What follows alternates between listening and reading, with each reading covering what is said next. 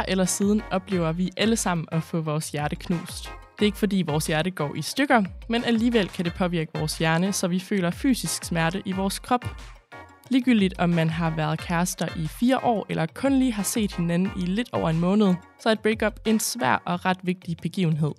Så hvordan håndterer man egentlig afslutningen på en kærlighedsrelation på bedst mulig vis? Og hvad skal man gøre med alle de her følelser, der opstår i kølvandet på et endt forhold? Det er alt det, der kommer efter et breakup, uanset om det er resultatet af et langt forhold, et kort situationship eller et ugengældt crush, der i dag er omdrejningspunktet i Peachy Pod, som er en podcast, hvor Peach inviterer gæster ind i studiet, så vi sammen kan diskutere sex og alle de forestillinger, vi har om sex, men måske fra en lidt anden vinkel end den, du er vant til fra seksualundervisning i folkeskolen.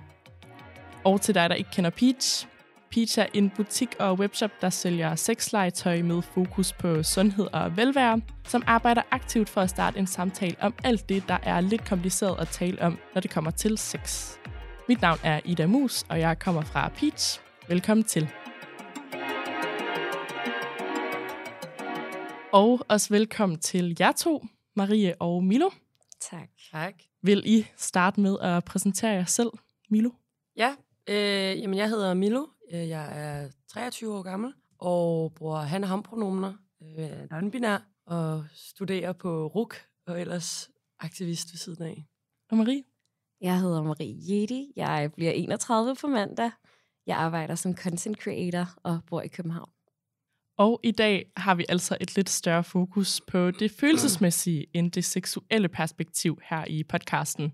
Men følelser og kærlighed har jo absolut en masse at gøre med sex og kroppen, og nogle gange kan det også være lidt svært at skille de to ting ad. Så jeg synes bare, det er helt på sin plads, at vi også omfavner det i øh, programmet her.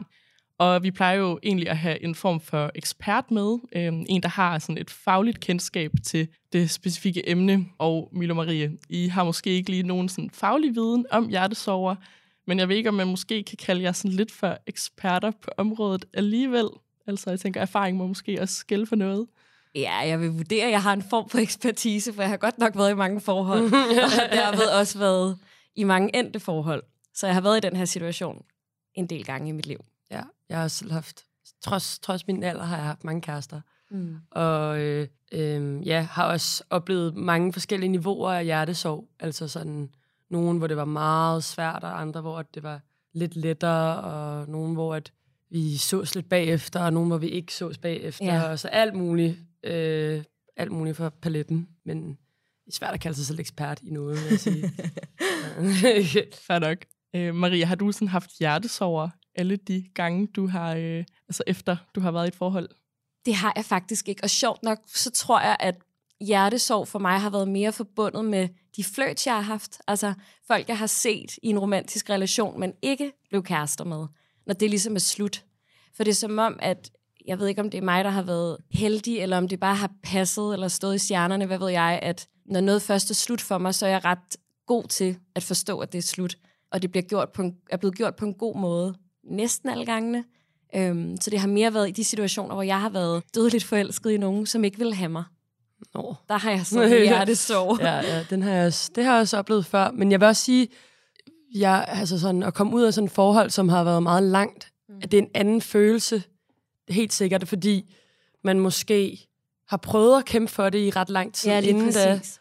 Og så er det den der, det er mere den der erkendelse af, at sådan, det, det kan bare ikke fungere. Ja. Eller sådan den der sådan, det føles lidt som at give op, Ja, faktisk. lige præcis. Og det er næsten det, er næsten det, det sværeste ved det, i hvert fald i starten, og så efter det, så kan der komme noget ensomhed. Og Ja, lige noget- nøjagtigt. ja. Der, og der er mange ting i efterspillet, som i virkeligheden også er rigtig svære, og som jeg måske ikke associerer direkte med hjertesorgen. Altså det er ikke, fordi jeg ligger og øh, sådan krampgræder, men, men hele det afsavns, intimiteten og til tosomheden. Ja, ja. Øhm, ja. Man skal ligesom genopfinde sig selv på en eller anden måde.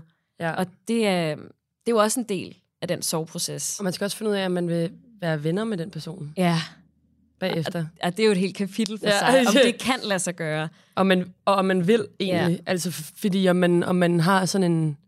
man vil jo altid gerne have et kendskab til de Ja. mennesker, som har betydet noget for en, men, men spørgsmålet er, om man vil have de mennesker ind som sådan meget tætte venner. Ja. Ja. Nogen vil gerne, og andre gange virker det måske lidt malplaceret, hvis man, hvis man har det, eller sådan, hvis man prøver Ja, at forsere det. Og så har det jo meget, altså man kan sige, det er jo et efterspil fra både forholdet og break-uppet, så hvis det har været et forhold, der er sluttet på lidt dårlige terms, Ja. så er det rigtig svært at etablere et venskab bagefter. Ja. Øhm, men hvis det har været noget, man er blevet enige om, eller hvor, hvad kan man sige, den romantiske del af det er forsvundet fra det, men venskabet består, så giver det jo mening, at man lige så godt kan bibevare den gode kontakt. ja. Har I sådan et specifikt breakup, som har hjemsøgt jer på en eller anden måde, eller sådan, hvor det har været en ret lang periode med, med hjertesover? Milo, har, har du sådan et breakup, du tænker på her? Mm, ej, det har jeg. Altså jo, jeg har sådan slået op med en kæreste for ikke så lang tid, for sådan, nej, lang tid, det er et halvt år siden eller sådan noget. Måske lidt mere, hvor vi havde været sammen i tre år. Det var sådan helt klart mit længste forhold, men så blev jeg faktisk forelsket igen. Og har en kæreste nu, og sådan har det virkelig dejligt med det. Men efter det var det også, der var lige den der uge, hvor jeg var sådan lidt ude af den, og ikke lige kunne finde ud af, hvor jeg skulle placere mig selv. Og også fordi at jeg måske ikke havde været så god til at holde fast i mine venner, sådan helt vildt tæt, Mm. tæt på mig. Så dem skulle jeg også lige være sådan, uh, I vil ikke passe lidt på mig alligevel. Eller sådan. vil I have mig tilbage? Ja, ja, ja, ja. ja jeg var meget stadig venner med dem selvfølgelig, mm. men sådan, det var, jeg havde måske ikke plejet venskabet Nej. På samme måde. Så jeg ved ikke, om det hjemsøger mig, men jeg tror, det sidder i mig. Men jeg tror, alle mine breakups sidder i mig. Eller sådan, alle de, det er ikke så meget breakupet, det er mere bare sådan, hvordan den person har formet mig på en eller anden måde. Ja. Eller sådan, øh, hvordan den person har betydet noget for mig. Ja, Og jeg kan genkende alt, hvad du siger der. ja. For der er også noget med, at når man tager et menneske ind så intimt, som man gør i et parforhold, der findes nærmest ikke noget øhm, voldsommere på en eller anden måde. Fordi man går jo fra, altså man kan i hvert fald gå fra at have, altså ikke at kende hinanden, ikke at have en relation overhovedet, til at skulle være så tætte og så dybe og så øhm, samhørige på meget kort tid. Og modsat øh, venskaber, som du kan have uendeligt mange af, hvis du vil, øh, så vælger du ligesom, hvis du i hvert fald lever et monogam forhold, kun én partner. Så mm. du har ligesom kun én, du kan dele de her ting med. Så det kan virke meget overvældende at skulle af med den følelse igen.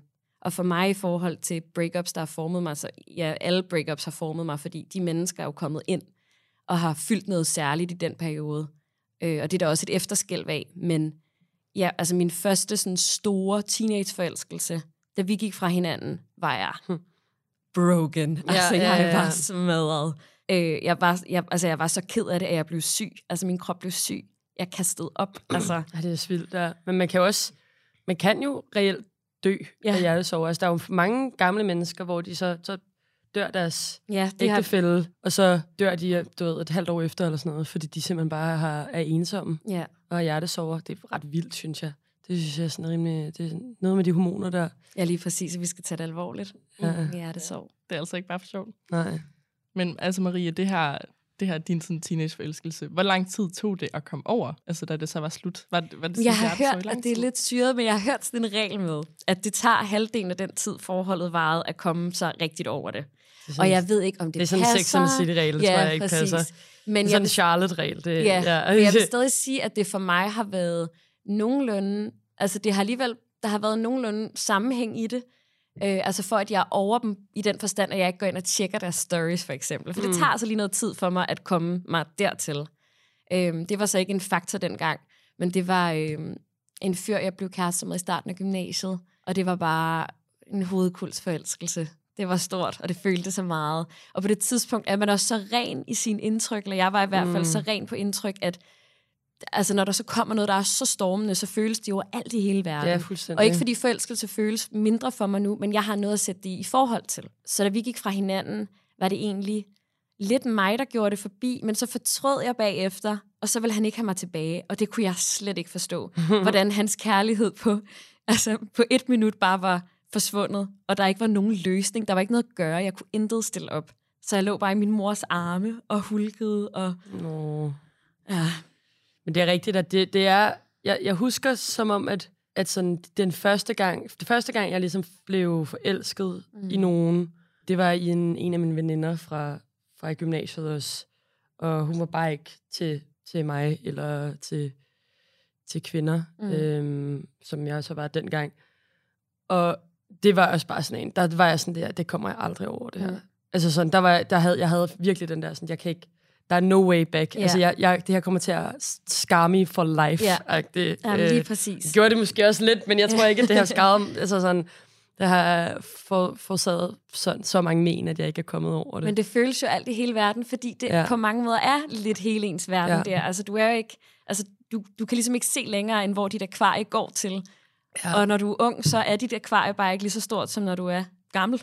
Ja, du har også ligesom kun, der er ligesom færre ting i dit liv, ja, som præcis. betyder noget, ikke? Eller sådan, Det jo, det. jo, når du bliver lidt ældre, så begynder der også bare at komme flere ting, som betyder noget. Mm. Altså, du får flere venner, der betyder rigtig meget, du får flere kærester, så du forstår også, at sådan, de også kommer lidt og går, og, Ja. og du måske også, altså, din, din, du får et arbejde, som du elsker, eller du begynder at læse et eller andet, du vil godt kan lide, du finder nogle hobby. Ja, du ved, sådan, der, mm. der er ligesom mere i dit liv, der fylder, Ja. hvor sådan, når du er i det i gymnasiet, og, og du møder en, du bare synes er fantastisk, og det er måske første gang, du får den der følelse af, at wow, de er så fantastiske, og jeg er så forelsket, mm. og wow, wow, wow.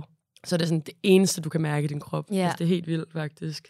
Og samtidig Det det er svært at huske være... tilbage på, eller sådan, Ja. det er svært at huske det på en eller anden måde. Ja, og jeg tror heller ikke rigtigt, jeg kan, for at være helt Nej, ærlig. så i virkeligheden synes jeg også, det er mere spændende at høre altså fra teenager, hvordan forelskelse føles for dem. For jeg kan jo forklare, men jeg forklarer det jo så også med mine, altså mine øjne nu på en eller anden måde. Mm. Så det bliver sådan lidt hult. Men jeg tror også, at det svære ved teenageforelskelsen, for mig i hvert fald, var, at den også kom i en tid, hvor mit selvværd måske heller ikke var det bedste, og man er ved at finde sig selv, man opdager en hel masse nye ting, man er nysgerrig på verden, men også lidt bange for det hele.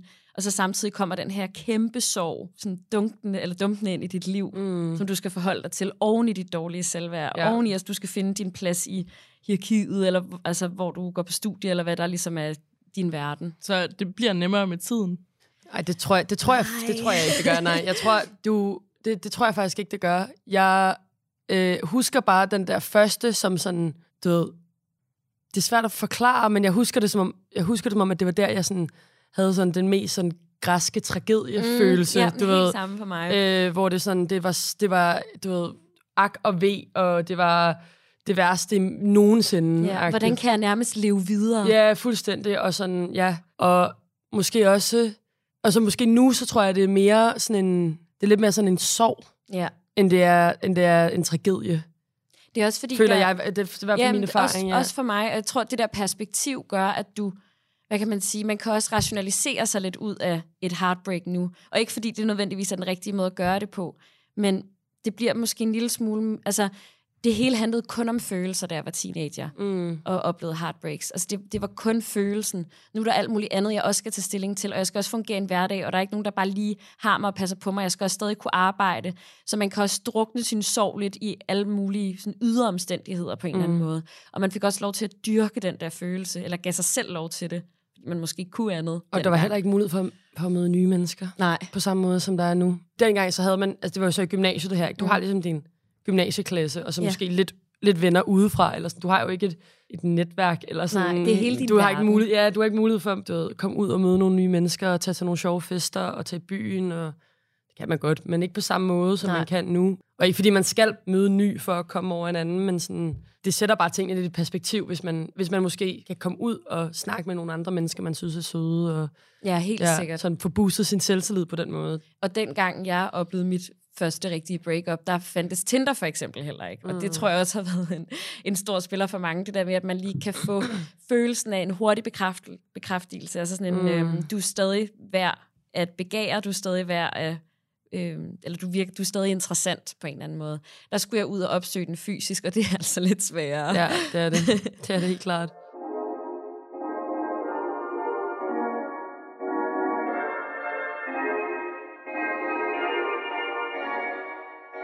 Der er sådan nogle lyttere, der sidder derude og har lidt ondt i hjertet, og nogle af dem har altså skrevet ind til os for at få lidt rådgivning. Mm. Den første, der gerne vil have hjælp, skriver, Hjælp, jeg har haft hjertesover over den samme fyr i næsten et år nu, og jeg ved simpelthen ikke, hvad jeg skal gøre. Kommer jeg aldrig nogensinde over ham?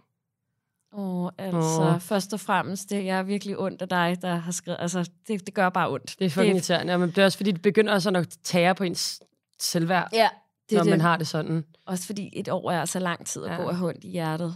Det, øhm, Ja, Det- det... men jeg, jeg har oplevet det, ikke på mig selv før, men jeg har, jeg har venner, der har oplevet det før det er også. det. Ja.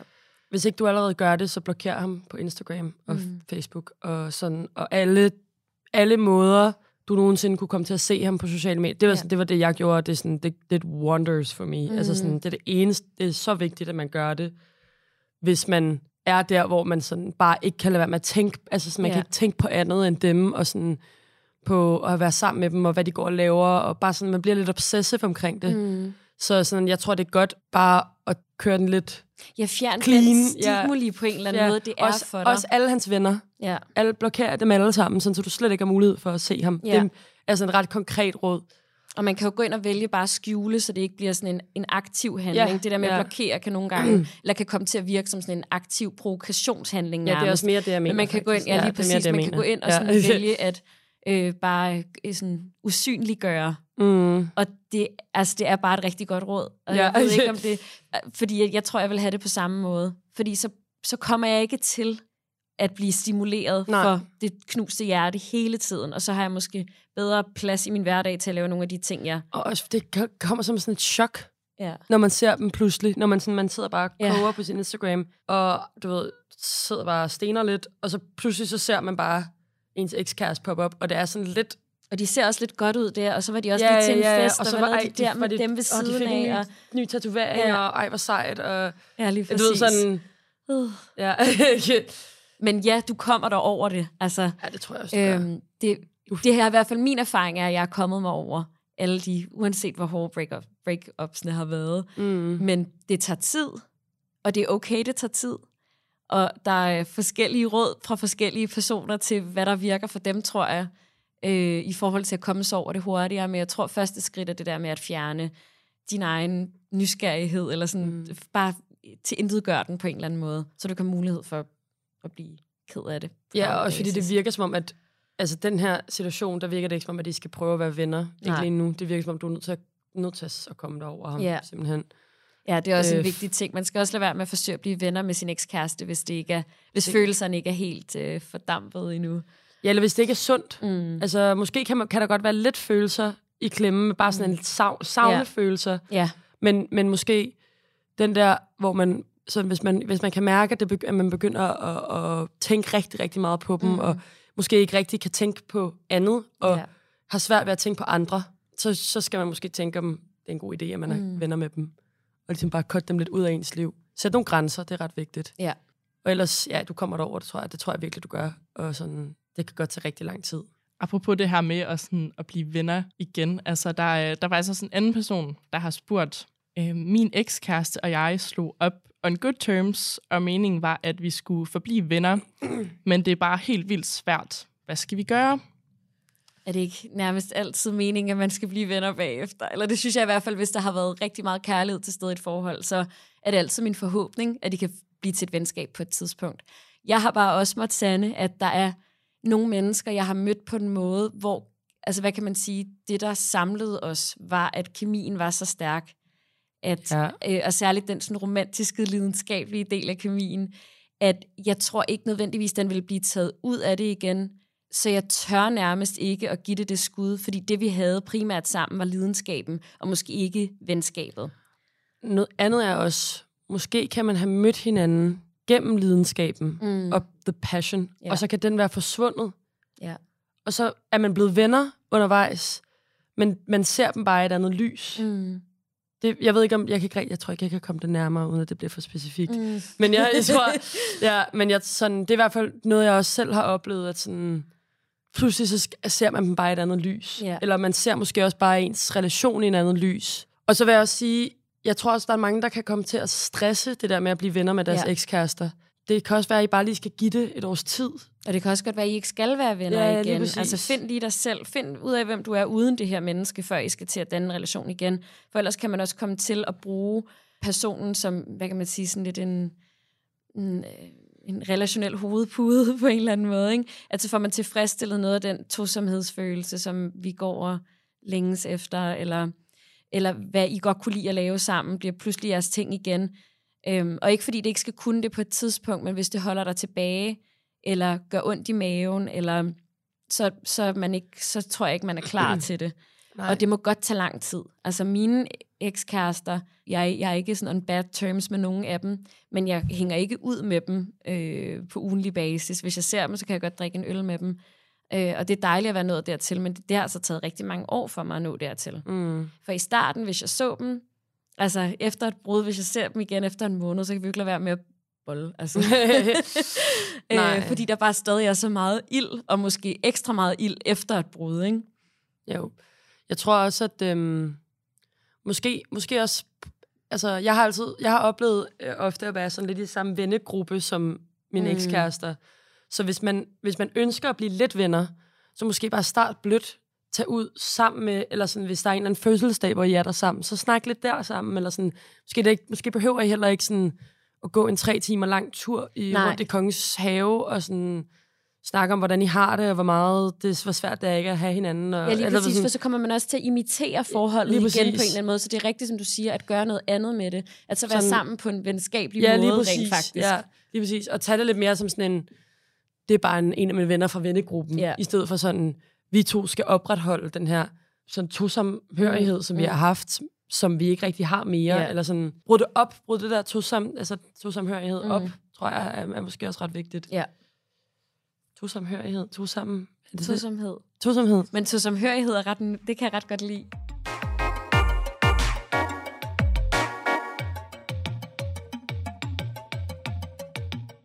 Jeg tror, det er virkelig vigtigt for mig at sige, at det bliver, det bliver godt igen. Altså, jeg ved godt, at det er en kliché, og det ved vi nok godt, når vi sådan lige graver det helt nedefra og op i hovedet. Men hvis man sidder i en situation derude nu, hvor man er helt heartbroken, så vil jeg sige, det bliver altså, det bliver altså godt igen. Mm. Det lover jeg. Men det tager tid, og det er okay også at lave noget selvpleje, handle en lille smule egoistisk, altså sådan, gøre nogle af de ting, du godt kan lide, være sammen med de mennesker, du godt kan lide, og sige fra over for ting, du ikke... Altså fordi man har et mindre overskud, og har brug for mere af alt det gode mm. i sådan en mm. situation. Og det er okay at ligge derhjemme og græde og spise Ben Jerry's, som også er en kliché, men det er også okay at gå ud og feste og bolle en masse nye. Altså, din måde at håndtere ja. det på er din, og den er okay. Ja, og der, der, kan være, der kan være mange følelser i det. Altså, der kan være både en, et savn, der kan mm. også være en mm. lettelse, det kan også være, at man bliver forelsket igen, eller ja. der, der kan være mange ting, som sådan... Der, der, der er plads til, at man kan savne den person, og savne mm. det, det, man havde, ja. og også gå ud og lave nogle andre ting. Ja. Eller sådan, der, det er ikke sådan, følelser er ikke så Nej. Øh, du ved, indkasset på en eller anden måde. De er, ikke, og de er intersektionelle, og de flyder ind i hinanden hele tiden. Og, ja, lige præcis. Og der er også øh, plads til tri- glæden trigger hinanden, og, eller, ja, lige præcis. Der, der er plads til både glæden og sorgen, og der er plads mm. til nye oplevelser. Ja. Det er ligesom det der, man kan jo faktisk få sådan, øhm, have det sådan ret, jeg kan i hvert fald, når jeg slår op med nogen, have det sådan ret rørende med mine venner og min mm. familie, eller sådan den der følelse af, at sådan jeg...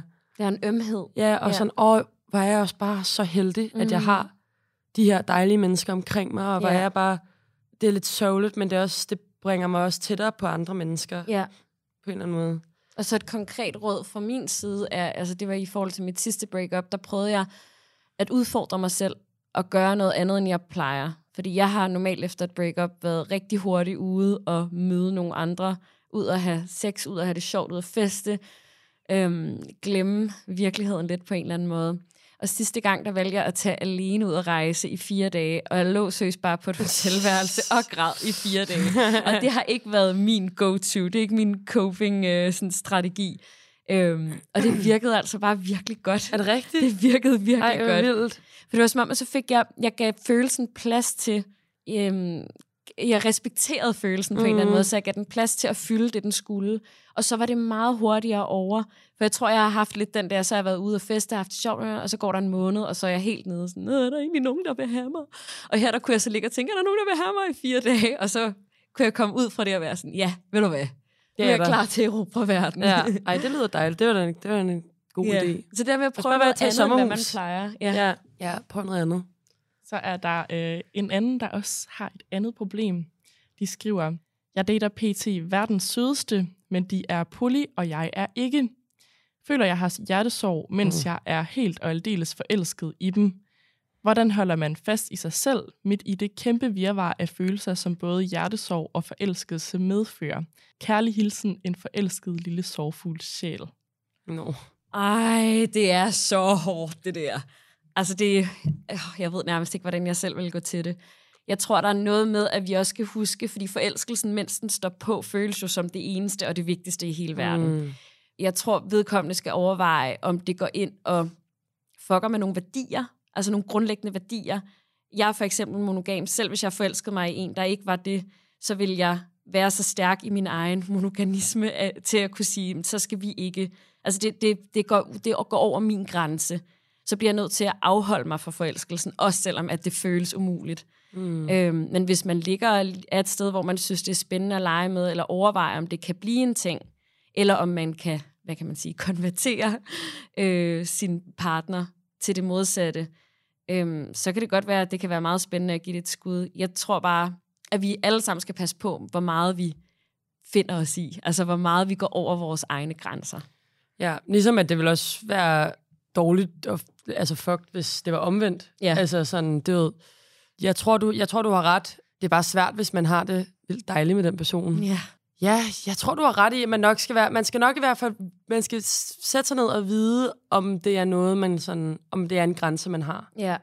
Og sådan sætte sig ned og prøve at finde ud af, sådan, er det egentlig noget, jeg sådan, fordi det nytter heller ikke noget at prøve at ændre på dem. Nej, det er det. Og hvor, altså sådan, hvor, øhm, hvordan er jeg vild med det her menneske? Det er måske også en del af det, ikke? Altså, mm. er det en, jeg ser som min fremtidige partner? Altså, kunne jeg leve et liv med det her menneske? Eller er det en, jeg synes er sjov at være sammen med lige nu, og vi har dejlig sex? Fordi så kan det være, at man måske skal holde det ved det på en eller anden måde. Og det er jo svært, når vi, når vi begynder at få den form for ejerskabsfølelse, som øh, forelskelsen også kan indeholde, og som det lyder til, øh, er i en del af den her situation, og som jeg helt klart får. Fordi så med den kommer der også jalousien, og det er den mest modbydelige ja. Øhm, ja. ting, man kan føle overhovedet. Så man kan jo sætte sig i en situation, hvor man øhm, er den for uden ved at stoppe relationen. Ja, det tror du har ret i. Men det er fandme et svært spørgsmål. Det synes det er jeg svært. Og jamen, det er også, jeg tror også, det er sådan en, hvor man sådan... Jeg føler, at det er sådan en, hvor der kommer en løsning på et tidspunkt. Ja. Og det kan jo også være, at det kan jo være, at personen prøver, er, ja, præcis, at, at personen prøver det, så er det ja, egentlig meget fedt for dem. Eller sådan, ja, og sådan, at det, hvis det er jalousien, der ligesom mm. bærer dem, så, eller jalousien, der ligesom, hvad kan man sige, du ved, i godsøjne holder dem tilbage ja. fra, fra polylife, så er det jo også, det er jo ikke fordi jalousien bliver fjernet, Nej. når man er polyamorøs. Altså sådan, man snakker bare om det på en anden ja. måde. Så sådan, det kan også godt, hvis det er det, der holder dem, eller du ved, sådan, det kan være, man, mm jeg føler, det er sådan en, hvor der, der skal nok komme en løsning. Eller Helt sådan, sikkert, og der er jo mange måder at være i forhold på nu, og jeg, jeg ved bare, fordi af mine veninder, der har forsøgt sig med den type forhold, har det gået grueligt galt, så har de troet, at de kunne holde til nogle ting, som har gjort dem rigtig kede af det. Øhm, så der vil jeg ønske på deres vegne, at de havde trukket sig, inden det var noget så mm. vidt. Vi skal ja. også tillade os selv at forelske os. Altså, det er jo også en, men vi er jo også, øhm, selvom vi er mega følsomme væsener, så er vi jo også intelligente væsener. Mm. Så man mm. kan også vælge at stoppe, inden man ligesom når dertil. Øh, og lade være med at opsøge at gå videre ja, med kan man en romantisk det? relation. Men det, kan man det? Det kan jeg ikke, tror jeg. Men man kan i hvert fald vælge ikke at opsøge den. Altså, så man det kan, kan vælge man godt, ikke ja. at ses, eller ja. ikke at øh, følge dem på sociale medier, eller hvor man... Ja. Det er bare, hvis man synes, det bliver så uforløst. Ja, det gør det da helt sikkert. Eller den sådan, er da så svær, ja, den her situation. Sådan, Ja, altså findes der sådan øh, nogle måder, man sådan kan håndtere det på, hvis der, altså hvis man møder en, hvor man bare ligesom, altså måske er forelsket, men det, altså det kan bare ikke lade sig gøre. Altså, øh, nu sagde du også tidligere, Milo, øh, det her med, at du var forelsket i en, som bare ikke var sådan til, til dig, mm. altså på det tidspunkt. Hvad, øh, hvad gør man i den situation? Det er jo en anden slags følelse. Altså det er, hvad gør man i den situation? Man håndterer det på samme måde, som man håndterer andre hjertesover, tror jeg, men man, øh, det tager meget på selvtilliden, fordi det handler meget om sådan dig og din krop, mm. og ikke så meget din person, eller sådan Nej, personlighed, eller hvad der er inde i, ja. eller sådan gnisten, mm. eller sådan, det handler mere om sådan, ikke, altså alle breakups kan tage på selvtilliden, men det handler meget om sådan, hvem jeg er mm. som person. Så det er jo sindssygt svært. Ja, det er desværre også en et del af rigtig mange queer menneskers liv, at de, skal sådan, at de, de bliver forelsket i heteroseksuelle mennesker, og så vil de ikke have dem, fordi at de er heteroseksuelle, mm. og man er mm. selv queer, eller sådan, du ved. Så det er en ret stor del af ens, af ens liv, men det er også, det er jo også måske lidt formativt, at man skal lære bare at blive ved med at være den, man er, trods at den ene pige fra gymnasiet ikke blev mm. vild med en, eller sådan, at man skal, man skal heller ikke tænke, at man er helt forkert, nødvendigvis. Og det tror jeg, man lærer lidt yeah. i den proces. Altså, at man, man lærer, at sådan, jeg er også bare, hvem jeg er, og det kan jeg ikke gøre noget ved. og det må jeg bare holde fast i. Mm. Så der er nogle, nogle andre life lessons fra det, som er værdifulde, men det er virkelig, det er fucking nederen. Men ja, er heller ikke, heldigvis ikke sket siden, tror jeg.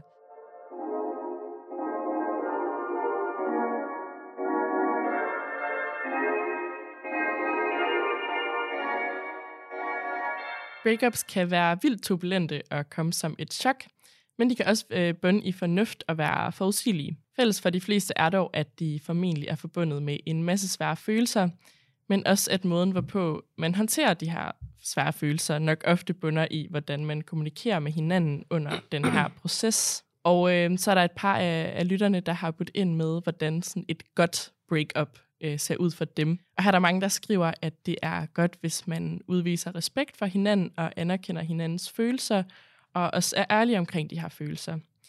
Der er en, der skriver, at breakupet er godt, når begge forstår og er den høje mening med, at det ikke skulle være, og når man skilles i kærlighed. Og en anden skriver, når man giver sig tid til at få snakket det hele ordentligt igennem og møder hinanden med empati og forståelse. Så generelt, der handler det øh, om de fleste, der har skrevet ind, øh, om, at man skal skilles fra hinanden som ligeværdige, og man skal helst være enige om det, og skulle se positivt tilbage på, hvad man har fået ud af forholdet. Marie, har du øh, nogensinde sådan prøvet at gennemgå et breakup, hvor du sådan efterfølgende har tænkt, det var sådan, det var sådan, man skulle gøre det. Det var et godt breakup. Ja, og kan man nogensinde rigtigt det? Altså, jeg er jo helt enig i alt, hvad der bliver sagt her, men det er også en, det er en slags utopi at tro, at det, kan, at det absolut kan være sådan. Mm. Selvom jeg er et menneske, der gerne vil respektere og ære min tidligere partner, så er det bare, øhm, altså, det er bare en, det er en svær kamp, fordi følelserne går, altså, det går højt, hadet går højt, og det Man hele altså bliver gerne det er så lidt sur. ekstremt. Ja, Man må også gerne have nogle af de grumme følelser, føler jeg. Jeg, ja. jeg synes, at det der er lidt... Jeg, igen, det er en det er fede ting, de folk siger, men jeg synes også, at man skal have lov til at have de der... ja. Uh, og de Det kan også være nemmere sur. nogle gange ja, at have. præcis. For mig er vrede en meget lettere følelse at gøre noget aktivt med, end sorgen er. Så hvis jeg ligger derhjemme og er blevet forladt, så føler jeg, at det er en passiv følelse på en eller anden måde, som øh, tvinger mig til at sådan, blive lille og gå ind i mig selv. Hvor vrede kan være sådan en mere aktiv, så nu skal jeg bare ud og vise mig, hvor lækker jeg kan være. Ja, ja, ja. Øh. Og også måske bare sådan, åh, jeg gjorde alt det der for dem, og jeg var bare... præcis. Ja, jeg synes også, der skal være plads til at være lidt vred, fordi ellers så bliver det... Altså, ideelt set, så ville det være dejligt, hvis man bare kunne ligge i sin seng og ære sin Mm. ekskæreste, og tænke, wow, sikkert et dejligt forhold, men sådan... Man, man begynder jo også at se, se tingene i et andet lys, altså når man Ja. slår op med nogen. Man begynder også at se, der var også ting, der var rigtig galt, og der var, der var jo en grund til, at vi slog op. Og sådan, Og det, er så jo er også, der- det er også fint at tænke på det, synes jeg. Og så er det svært det der med ligeværet i det, fordi der vil næsten altid, det har jeg i hvert fald kun oplevet i mine forhold, være en, der bliver lidt mere såret end den anden. Og så er det ikke sikkert, at det er en, en stor sorg på en eller anden måde. Det kan være, at det føles forholdsvis jævnbyrdigt og venskabeligt efterfølgende, men der, jeg har bare ikke oplevet andet, end at der unægteligt er en af parterne, der bliver mere ked af det end den anden, og ønsker at komme tilbage i en eller anden, altså på et eller andet tidspunkt i processen, eller øh, bliver rigtig sur, eller bliver rigtig ked af det. Mm. Øhm, så jeg har forsøgt, og jeg synes, jeg forsøger hver gang, jeg har været i et forhold, når det skal gøres forbi, at holde den gode tone. Men det er jo ikke mi, altså, det er svært, for det er ikke min opgave alene at sørge for det. Så hvis jeg har været meget afklaret med brudet, så er jeg af gode grunde ikke lige så påvirket af det. Men så hvis den anden person så bliver påvirket og bliver rigtig sur eller ked af det, så vil det også have en indflydelse på, hvordan jeg håndterer det. Mm. Øh, så man ligesom tog til en tango, ikke? Jo. jo, jeg tror også, at det er vigtigt, at man også bare... Det tror jeg, mit bedste råd til breakups og til sådan hjertesover, det er, at alle dine følelser er okay Mm. Til en vis grad. Men alle dine følelser er okay, og du skal gøre ligesom, hvad hjertet begærer. Altså, du, du, sådan, du skal følge dit hjerte. Du skal Mm. ikke... Det er sådan... Ikke tænke, at der er alle mulige måder, du skal reagere på. Alle mulige måder, du skal gøre tingene på. Bare være dig, og hvis du så bliver rigtig sur og ked af det, så er det også okay. Og hvis du bliver ærefuld og øhm, hedrende, så, så er det også okay. så, øh, så sådan, ja, altså du ved, alle, alle breakup-følelser Ja. er okay, og de kan også komme lidt bag på dig. Ja, man, man kan slet altså ikke få... Altså, ja, altså jeg, jeg, jeg, kan, jeg har oplevet, altså sådan, jeg har oplevet, at, at, jeg, vil, at jeg stod op med nogen, og troede, jeg ville blive rigtig, rigtig ked af det. mm. og blev også ked af det. Men der gik ikke så lang tid, før jeg faktisk var sådan ret glad igen, Ja. og sådan følte mig måske lidt lettet, og Ja, fordi for mig har det været Ja. i de situationer, hvor jeg er den, der er endt med at gå, der har, jeg, der har det helt klart været den dominerende følelse i mig, det har været, en, at jeg er blevet lettet. Fordi det, mås, det, er, eller det er helt klart noget, jeg har haft gået og tænkt over i længere tid. Det er ikke en spontan øh, beslutning. Øhm, det, det er jo et resultat af, at der er noget, der har gået den forkerte vej, eller Mm. føles mere venskabeligt, eller hvad årsagen nu kan være. Så den der sådan lettethed, og måske nærmest glæde over det, og sådan frihedsfølelse. Nu er jeg også et menneske, der vægter frihed meget højt. Så nu er jeg, sådan, nu er jeg fri igen til at gøre, som jeg har lyst til. Og nu er der ikke nogen, der skal bestemme, hvad der skal være i køleskabet, eller hvordan vi øh, tager på ferie, eller ja, ja, nu kan jeg gøre alting selv igen. hvad tid jeg skal være hjemme. Ja, oh, Jesus. Ja. Altså, ikke fordi det er ikke sådan, men bare sådan, du, ja, det, kan det virkelig. det, det, ikke det der med ikke at have ja, en liggende derhjemme -agtigt. ja, præcis. Ja. ja, sådan er det i hvert fald i nogle forhold, som behøver det ikke være i alle forhold. Men ja, jeg tror, tror bare, det er vigtigt, at man ikke... Der er, jo, der er jo fucking idealer til det hele, og jeg Mm. tror bare, det er vigtigt, at man lader sig selv have de følelser, man har, og ikke sådan tænker, at man skal have nogle følelser, som er Mm. bedre end andre, når man har hjertesorger. Fordi du har hjertesorger, du skal ikke begynde at tænke over, sådan, om det er nogle okay følelser, du har. Nej. Lige Men jeg der. synes, man, altså som, øh, sådan, hvad kan man sige, overordnet pointe, synes jeg, man skal give et breakup, øh, altså begge parter skal give hinanden, øh, hvad kan man sige, tid og grunde nok til, ja, det, det at, synes det, jeg er, at det er gået galt. Ikke? Altså vi bliver simpelthen nødt til, altså det er der respekten kommer ind, synes jeg, at vi bliver nødt til at give os tid til på en ordentlig måde at forklare, hvad det er, der er galt. Ja, Øhm, og uden at, uden at kaste med mudder, uden at det skal være øh, sådan op, en ophedet diskussion. Ja, at, at det også foregår med kærlighed. For man skal jo huske, at der har jo været et eller andet, der har fungeret på et tidspunkt, ja. i hvert fald i forholdet. Ikke? Jo, altså selvfølgelig, der skal jo altid være respekt. Mm. Det skal altid være, der skal altid være en eller anden mutual respekt og et eller andet. Som, så, ja, som, altså noget, hvor det ikke er mudderkast, og noget, mm. hvor det ikke er, at man er, man så prøver at gå efter, gå efter benet-agtigt. Øhm, Ja. Det er selvfølgelig meget, meget vigtigt, at man også kan sådan have en eller anden savlig samtale Ja. omkring det. Og så har jeg altid haft den mantra, at det er um, den, der bliver gået fra, altså hvad kan man sige, taberen i forholdet, den, der ender med at, at tabe sin elskede på en eller anden måde, at det er dem, der primært må sætte rammerne for, hvordan vi gør efterfølgende. Øhm, så hvis jeg er blevet gået fra, så kommer jeg måske med nogle retningslinjer, sådan, jeg har brug for, at vi snakker om det i dag, og så vi slet ikke snakker sammen en uge, og det skal du respektere. Du skal heller ikke ringe til mig, fordi du mangler din øh, Playstation, eller hvad ved jeg. Mm. Det må du gøre på et andet tidspunkt. Jeg har brug for ro. Og hvis jeg har gået fra nogen, at de får lov til at sige, jeg blokerer dig altså alle steder online, og du skal ikke kontakte mig, og jeg kommer til at blokere hele din familie, og altså, så ligesom give dem lov til at sætte retningslinjerne for det på en eller anden måde, fordi det er jo dem, der, altså man kan sige, den, der er mest ked af det, har brug for mest omsorg, er Mm. min sådan Men nogle gange så er det ikke? også sådan, jeg, jeg, jeg, jeg er enig hvis nogle gange er det lidt svært at vide, hvem der er en taber, og hvem mm. der er en Mm. vinder. Jeg har også oplevet før, at, at blive behandlet mere som tab, så at sige taberen. Jeg Ja. ja. faktisk ikke så godt lide Nej, de der det er også tabervinder, men udtryk. Som, som den, der ligesom bliver gået fra, end jeg egentlig Mm. selv synes, at jeg var. Ja. Altså sådan, at jeg bliver lidt mere, så, at jeg bliver sådan, det bliver lidt berøringsangst omkring mm. mig, eller sådan, det, det synes jeg faktisk også er sindssygt frustrerende. ja, det kan jeg godt forstå. Øh, så sådan, det, det, du ved, nogle gange er det lidt uklart. Også mm. hvis man måske, hvis, hvis man egentlig, hvis den ene part måske føler, at man faktisk er blevet mere enige om det, ja. om den anden part føler, at man er, at det var dem, der gik. Mm. Eller, du ved, eller om, du ved, sådan, eller det er omvendt, hvis klart den det, den er lidt kompliceret, Ja. eller sådan, ja, øh, nogle gange, det er lidt kompliceret at lige vide, hvem der er øh, the breakup and the breakup pige. Ja. Ja, for det, kan- altså, det kan vel også føles lidt, som om man bliver set lidt ned på, så Ja, hvordan? ja, meget sådan, meget sådan, Helt sikkert. Ja, jeg sådan tror lidt- bare, jeg har lidt- brug ja, jeg for i de situationer, hvor det er mig, der ligesom er den, der er blevet, at det, at det er blevet endt med på en eller anden måde. ja. Så ved jeg jo godt, at det er mig, der står tilbage med den største overraskelses, øh, sådan, what the fuck, hvorfor fanden kan vi ikke gøre, altså sådan, jeg har, vil gøre alt, jeg vil gøre alt for at få det her til at fungere.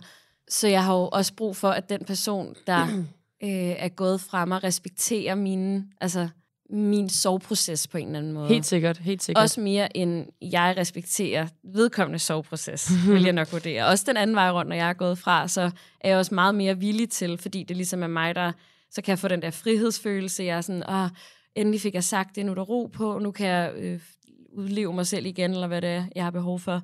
Øh, derfor er det også vigtigt for mig, at jeg passer mega godt på dig i det her. Mm. Og hvordan gør jeg det bedst muligt? Helt sikkert. Jeg synes også, det er rigtigt, hvis der er, hvis der er, hvis det er tydeligt, hvem der ligesom er gået Ja. for hvem, så synes jeg, at du er det helt er ret. rigtigt, at de fleste forhold, der er det sådan lidt usagt, eller sådan, selvom den ene siger det, så kan den anden jo også godt have tænkt det. Ja, ja, og så er det ja. ikke, fordi der er nogen, der sådan er, er vinderen i, i den situation. Ja, og måske kunne man have, kan man have gået lidt frem og tilbage med Ja. tankerne, og måske kunne man have været... stil- Altså, det, der, er så, det, der er så mange kom, kompleksiteter i, de, sådan, Ja. ja. i sådan et breakup, ikke? Eller sådan, også fordi, det er jo lidt en, det, det er jo ikke rigtig en samtale, man behøver at have. Det er sådan, når man, det er mig, der har slået op med dig, Nej. ikke? Eller sådan, det, det er også sådan lidt under... Eller sådan, Ja. egentlig vil man jo helst bare have, at man bliver enige om det på en eller anden måde, ikke? Eller Jeg sådan, tror bare, det er så vigtigt for mig at hvad kan man sige, manifestere eller sådan sende ud i universet, at det er så vigtigt, at vi passer på hinanden. Ja. Så hvis der er nogen, der bliver rigtig ked af det, så bliver vi simpelthen nødt til at hjælpe dem. Altså, det går ikke, at der er nogen, der ligger der hjemme alene og ikke har nogen at tale med, og øh, måske øh, igen har brændt broerne til sine venner, eller hvad ved jeg, fordi mm. det har Mhm. været et øh, halvgiftigt forhold, eller sådan, så er man altså også medansvarlig, hvis vi ser nogen, der er ked af det, og ikke hjælper altså sådan, til at opretholde den. Og ikke fordi, at vi skal tage ansvar for alle andre, men jeg synes lige sådan en situation, som er så øh, morbid, som et øh, hjertebrud føles, som, så skal vi hjælpe hinanden. Ja, det skal vi. Ja.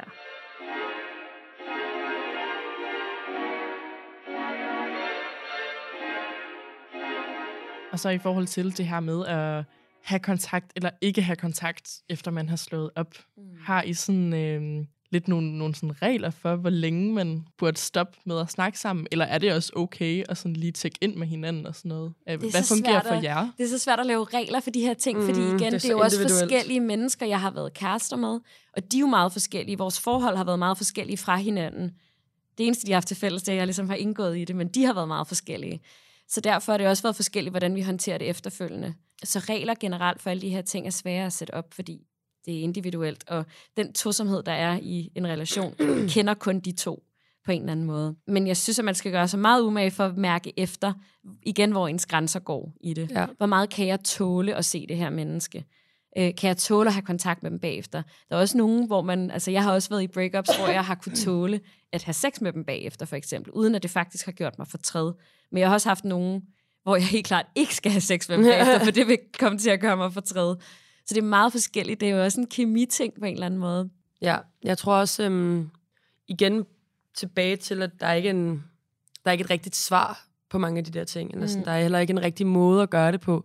Det kan også godt være, at du prøver at se din ekskæreste, og så går det op for dig, det var mega smertefuldt, det skal jeg ikke gøre igen. Mm. Eller sådan, og det er også, man kan måske godt ønske sig, altså i en drømmeverden vil man jo bare være sådan bedste venner med sin ekskæreste, og Ja. bare have det helt cool, men sådan, det, vi kan ikke, det, er jo, det er jo også en utopi, utopi Ja. at have den tanke, eller sådan, det, du ved, det, der kan man ikke altid være, og det er også okay, hvis man ikke er der. Det kan også godt være, at det tager lang tid, eller sådan der. Det kan være så forskelligt. Ja, men nogen kommer man desværre ikke dertil. Og så er det jo også igen, hvad, har, hvad er årsagen til break-up'et? Hvis, Mm. Altså, jeg har været i den uheldige situation at opleve at blive cheated på, og der vil jeg sige, lige bagefter er min første tanke ikke, jeg skal være venner med det her menneske. Mm-hmm. der går altså lige noget tid, og jeg er så faktisk blevet venner med ham igen. Øhm, tilgivet, men ikke glemt. og det tog alligevel et års tid, tror jeg, før vi kunne blive venner igen. Jeg har også min seneste ekskæreste, det er halvandet år siden, vi gik fra hinanden. Ham har jeg stadig ikke haft kontakt med siden overhovedet, fordi jeg simpelthen tror, at der ikke er nogen af os, der er rigtig klar til det. Nej. Og jeg er heller ikke sikker på, at vi bliver det desværre. Jeg kan godt ønske, at det kunne være sådan, men jeg ved heller ikke, hvad der vil opstå i det møde. Altså om der vil være noget vrede, om der vil være noget sorg, noget, der er sådan ubehandlet øh, Om det vil dårligdom. være, og om det vil være nødvendigt at trække det op igen. Ja, lige Men præcis. det- Er det simpelthen nødvendigt at trække det op igen? Ja. Eller det, man behøver heller ikke sådan at... Du ved, selvfølgelig er det godt at gennemgå alle sine følelser og Ja. gennemarbejde Det ikke hele. lavet sådan. i det dårlige. Men ja, men man skal netop ikke Ja. vade i det dårlige. Man skal ikke sådan, sådan søge det på en måde, der kan være lidt giftig for en. Mm. Giftig i lidt for, med forskellige lag. Men, Mm. altså, det er bare noget, der... Det er ikke, det er ikke, det, det du skal ikke se din ekskæreste som... Det, det, det, er ikke sådan, det er ikke sådan, at du skal begynde at blive venner med din ekskæreste. Nej. Det kan også sagtens være, at det bare ikke er nødvendigt for dig, at du faktisk lever et bedre liv, uden at skulle være i det dårlige. Ja, og der er også på forskel på, i hvad det er for nogle følelser, der har været i forholdet. Ikke? Igen, der er nogen, jeg har været kærester med, hvor vi har været rigtig, altså hvor vi har været rigtig gode kærester, og så nogle, jeg har været kærester med, hvor vi egentlig var rigtig gode venner. Og det er jo selvfølgelig nemmere at gøre det til et venskab bagefter, fordi der er et venskab indbygget i det.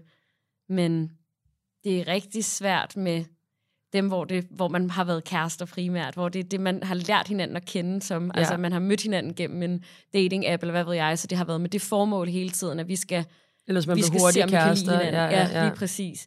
Der synes jeg, at det kan være rigtig svært bagefter, at skulle danne en venskabelig relation. For mig personligt. Mm. Der er faktisk også en, øh, øh, en person, der har øh, sendt et spørgsmål ind, øh, hvor de spørger, hvordan kommer man videre, hvis ens eks ikke vil tale med en? Jeg tænker, at det måske er en, der sådan ikke har fået noget sådan afklaring, noget i den stil. Er det noget, I nogensinde har været udsat for? Nej. men, men det ved jeg ikke. Jeg tror måske, jeg nogle gange har været den eks, der ikke vil tale med vedkommende. Og det, det, det, det er jeg jo ikke ked af, hvis nogen kan blive ked af. Men det kan nogle gange igen være en strategi, en overlevelsesstrategi, altså en måde ligesom selv at komme videre på. Og man kan jo ikke forvente, at nogen andre skal bære ens kamp. Altså, så hvis man er i en situation, hvor man er rigtig ked af det, kan man heller ikke forvente, at alle andre skal, altså sådan, at ens ekskæreste skal slippe alt, hvad de har i hænderne for at fortælle en, hvad der var galt, og komme med et, altså, konkrete eksempler på, hvornår det var på vej ud over en klippe, eller hvad ved jeg. Man Så, vir- så i virkeligheden tror jeg for mig, at den bedste strategi, at du skal gøre noget for dig selv, så, så du ligesom, altså, du er ikke mindre værd. Du er ikke, Mhm. mm-hmm. du er ikke mindre begærlig, eller dejlig, eller kærlig, fordi der er en, der ikke vil fortælle dig, hvorfor det gik galt, eller en, der ikke vil tale med dig længere. Skal du finde nogle ting, der øhm, ligesom lader dig blomstre lidt igen. Det tror jeg, du har ret i. Ja, Prøv at separere det. ja. Lidt. Separere sig selv lidt fra... ja din lykke er ikke, altså Nej, det er ikke ikke- hans at skabe for dig, eller hendes, Nej. eller deres. Øhm, ja, på en eller anden måde, jeg synes, det, det giver god mening at prøve at finde sådan... Jeg kan også godt... Jeg, det lyder lidt som om, enten... Det, det, nu formoder jeg bare, at det måske også er en situation, hvor personen kan have lidt dårlig samvittighed Ja, over et eller andet. Ja. Og der, jeg kender den der dårlige samvittighedsfølelse rigtig godt. Og det, jeg prøver at fortælle mig selv, det er at separere sig selv lidt Ja. fra den situation. Og sådan separere ens følelser i den situation fra, hvem man egentlig er. Mm. Altså sådan netop, som du siger, du ikke, hvis du fuckede op der, eller hvis der, er jeg ved ikke engang, hvad der er, der er sket, det kan være hvad som helst. Altså, den, de følelser, du har der, er ikke den, du er, og mm. det er ikke der, du finder dit værd, som du Ja. siger. Sådan, det er ikke, du, du skal prøve på en eller anden måde at sådan dele det lidt op. Ja. Og, Og det er heller ikke finde sikkert- glæde andre steder. Ja, og hvis, selv hvis du fik en forklaring på, hvad der ligesom var gået galt, er det ikke sikkert, at det vil være særlig forløsende. Det Nej. kunne faktisk også gå hen og blive rigtig ubehageligt. Ja.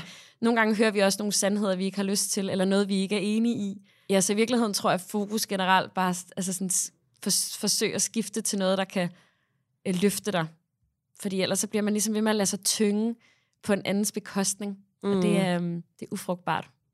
Noget, jeg også lige har været sådan lidt inde på allerede, det er sådan breakup sex. Mm. Øhm, og faktisk, øh, vi spurgte ud på Instagram, hvor mange, der har prøvet at have det sådan efter et endt forhold. Og der er jo faktisk 63 procent af dem, der har svaret, som siger, at de har haft breakup sex med enten deres ekskæreste eller sådan ex-situationship. Mm. Øh, så det er faktisk slet ikke så unormalt. Men er det overhovedet en god idé? Altså, kan det godt sådan lidt gå begge veje måske? Jo, for søren. jo, jo. Åh, det er også en svær snak. Mm. Fordi det er jo måske så noget, jeg har endt med at gøre en del gange. Men hvis jeg skal sådan analysere min egen adfærd, har det ikke været det bedste, jeg kunne have gjort. Ej, jeg tror, Øhm. Ej, jamen, altså, det kan være, det, det kan være, det kan være, det kan være vildt sjovt og grineren og mm. hot, men det kan også, det kan også være en dårlig idé. Ja. Altså, du ved, man kan også godt komme til at tage den for langt. ja, og for Sådan mig, bare, du gør, sådan, tag, ja, tag den for langt, sådan, du ved, ikke, ikke stop lejen, mens den er god. Det Ja. kan man altså godt komme til at gøre nogle gange. lige præcis, jeg tror for mig er det, altså man kan sige, hvis det opstår tilfældigt den dag, hvor break-up'et også sker, så synes jeg egentlig, at det for mig har været en ret fin afslutning. Øhm, fordi så får følelserne ligesom frit spil, og jeg kommer sikkert til at græde undervejs og sådan noget, men det hele føles så meget, og kan være et, et punktum for mig. Jeg tror, problemet i mine tidligere situationer har været, at hvis man efterfølgende begynder at mødes hver fredag, eller ringer, øh, når man er på vej hjem fra byen, og Ja. tager hjem til dem og sover, og jeg tror, det er der, den begynder at blive lidt farlig, fordi så bliver du ligesom ved med at øh, bibeholde dig selv i en situation, som jo som du jo faktisk skulle ud af. Ja. Om det så var dig, der ville ud af den, eller vedkommende, du er sammen med, så skulle I helst afslutte den del af relationen. Ja. Ja.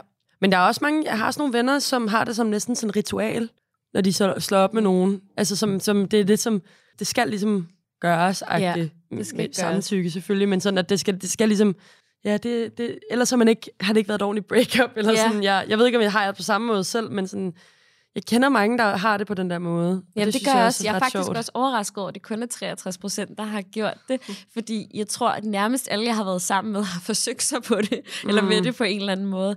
Men jeg har så været meget... Øhm, altså, for mig har det været sådan, hvis der stadig er den der øh, ild i det. Altså, hvis, og, og tit faktisk, hvis forholdet er sluttet på en lidt øh, ondskabsfuld måde, så er der en eller anden sådan, ah, noget vrede, et eller andet, der er sådan uforløst, der skal ud. Så har jeg synes, det har været ret dejligt. Men i de forhold, hvor jeg har været på vej ud af det i lang tid, og været sådan, åh, hvordan skal jeg egentlig sige det? Og er det den rigtige beslutning? Ej, jeg giver lige en uge mere til at se, om han ændrer på det der og sådan noget. Efter det brud, så, jeg, så skal jeg ikke, så skal jeg slet ikke have sex med vedkommende. Det har jeg ikke lyst til. Altså, der, der slukker ilden ligesom i mig. Mm. Måske også i respekt for mennesket, eller jeg ved ikke. Ja, det, det giver mening, Ja. ja. synes jeg. Jeg synes, det giver mening. Ja, netop, ja, som sådan, du også prøver at tage hensyn Mm. til den anden persons følelser, eller sådan. Ja. Lige præcis.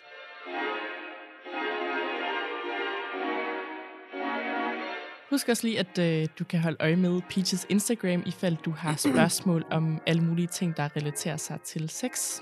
Her åbner vi nemlig af og til for vores brevkasse, hvor du så kan sende dine spørgsmål til det næste emne afsted. Så kan vi forhåbentlig give dig svar på nogle af de ting, du og andre går og bakser med, når det kommer til sex.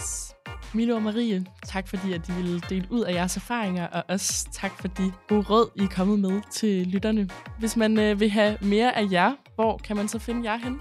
Uha. Insta- altså Instagram handle, tag, det er simpelthen På aldrig. borgerne i byen. Ej, øh, man kan finde mig på Instagram. Marie Jedi hedder jeg. Eller på TikTok. Marie Jedi hedder jeg også der. øh, Milo Kinnock på Instagram. Også mange tak til dig, der lyttede med. Jeg håber, at du har kunne bruge Maria og Milos fortællinger til noget, og at du måske endda har fået lidt gode råd til, hvad du skal stille op med alle dine følelser, når det kommer til breakups og hjertesorger. Husk, at vi alle sammen er forskellige, og alle forhold og forgangne forhold er unikke. Men helt sikkert er, at der er flere derude, som har det ligesom dig.